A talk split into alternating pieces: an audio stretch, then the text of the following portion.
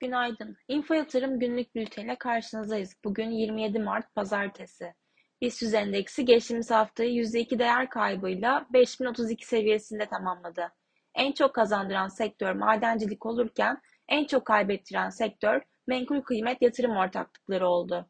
Haftanın son işlem gününde ise her ne kadar ECB ve FED kararlarında finansal sistemdeki bankacılık riskleri dahil edilmese de Deutsche Bank'in hisselerinin geri gelmesi piyasaları baskıladı. Hatırlarsak geçen hafta FED, Türkiye Cumhuriyet Merkez Bankası ve İngiltere Merkez Bankası faiz kararları açıklandı. Türkiye Cumhuriyet Merkez Bankası politika faizine değişikliğe gitmeyerek %8,5'ta sabit bırakırken faiz artımlarına ilk başlayan gelişmiş ülke olan e, İngiltere Merkez Bankası üst üste 11. kez faiz artımına giderek enflasyonla mücadeleyi ana hedef olarak devam ettirdiğini göstermiş oldu. FED ise beklentilere paralel 25 bas puanlık faiz artımına giderek şahin duruşunu korudu. Hafta boyunca ABD'de büyüme ve PCE verileri, Euro bölgesinde enflasyon ve Çin'de PMI verileri yakından takip edilecek.